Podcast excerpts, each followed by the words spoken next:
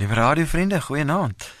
Nou ek glo dat jy teen hierdie tyd seker al agtergekom het dat ek 'n aanhanger is van die Bybel.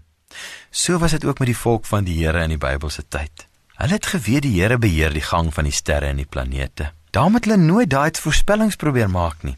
So het hulle natuurlik ook nie opgemerk toe 'n nuwe ster in die hemel verskyn het nie. Maar die sterrekykers in die ooste Die sterrewigelaars het dit nie gemis nie. Hulle was immers altyd besig om op te let na die bewegings in die hemelruim en hulle het al 'n goeie insig ontwikkel oor wat die sterre kan voorspel. Nou kan ek my voorstel hoe hulle kaarte de mekaar gekrap was toe daar skielik in die volheid van die tyd 'n nuwe ster verskyn. Ek sien al hoe hulle geskarrel het om te bepaal wat dit tog kon beteken. Nou glo ek ook dat God hulle 'n spesiale insig gegee het omdat hy vir die volheid van die tyd met die geboorte van die prins van die hemel 'n baie spesiale teken in die hemel wou plaas. Hoe ook al, hulle hoor die klok lui, maar hulle weet nie waar die bel hang nie. Daarom trek hulle op na Jerusalem toe om uit te vind wat aangaan.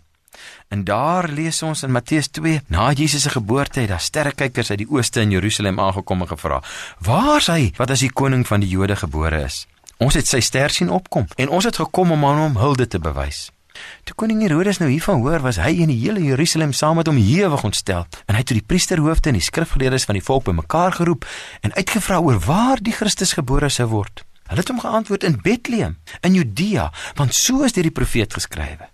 En jy Bethlehem, gebied van Juda, jy is beslis nie die kleinste onder die leiers van Juda nie. Uit jou sal 'n leier voortkom wat vir my volk Israel 'n herder sal wees. God voorspel met die ster meer as wat al die sterre voorspellings oor al die eeue saam kan voorspel. Uit Bethlehem sê die ster sal 'n leier kom wat vir sy volke herder sal wees. 'n Nuwe herderkoning uit die stad van die bekende herderkoning Dawid. Inderdaad het daar 'n ster opgegaan.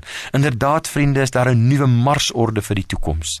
Dis die beste nuus ooit dat die troon van Dawid herstel is en tot in ewigheid. Nooit weer sal sy kinders herderloos wees nie. Nooit weer sal hulle aan 'n vreemde heerser uitgelewer wees nie, want soos die ster van Bethlehem uitgetroon het bo al die ander, so sal die herderkoning Jesus die een wees vir wie elke knie sal buig en van wie elke tong uiteindelik sal bely dat hy die Here, die meester is. En nou vriende, in die tyd dat ons hier in Suid-Afrika wonder wie ons nuwe president sal word, voorspel die Here vir ons deur sy ster dat daar vir ons in Bethlehem 'n koning gebore is wat ons toekoms alreeds geplus het.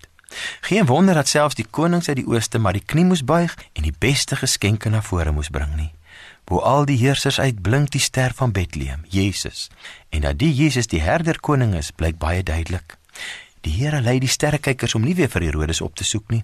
En as die selfgekroonde koning Herodes besluit om sy mag te misbruik om die herder koning te vermoor, dan oorleef Jesus op 'n wonderbaarlike manier, want die herder koning leef vir ewig.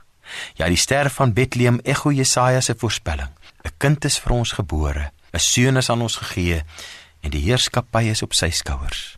Daarom vriende, kan ons vanaand buig voor die herder koning Jesus. Hy sal heers, sê die Bybel, en hy sal genoem word wonderbare raadsman, magtige God, ewige Vader, vredevors. Amen.